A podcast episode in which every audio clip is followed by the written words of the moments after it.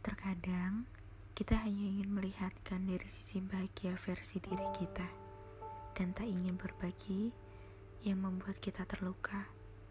Entah itu dari pekerjaan, sekolah, keluarga, bahkan cinta.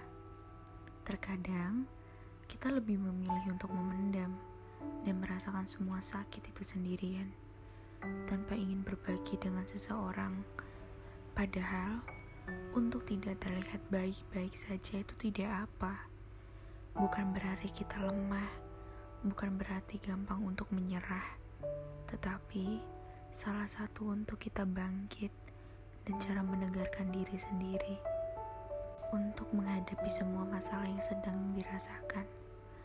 Terkadang kita melupakan diri sendiri untuk merasakan bahagia dan menggantungkan kebahagiaan diri sendiri ke orang lain.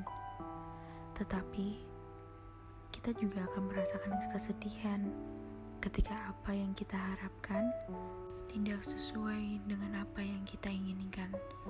Alangkah lebih baik dan menyenangkan kita menghilangkan rasa berharap yang tinggi kepada sesama manusia untuk mengurangi rasa kecewa itu sendiri. Untuk kebahagiaan diri kita sendiri, bukankah itu tanggung jawab diri sendiri? Dan bahwa sebenarnya kita tahu yang dapat membuat diri kita sendiri bahagia adalah diri sendiri. Jangan takut untuk meluangkan waktu untuk sendiri. Jangan takut untuk meluangkan kebahagiaanmu itu. Sebenarnya, sendiri itu tidak semenakutkan itu.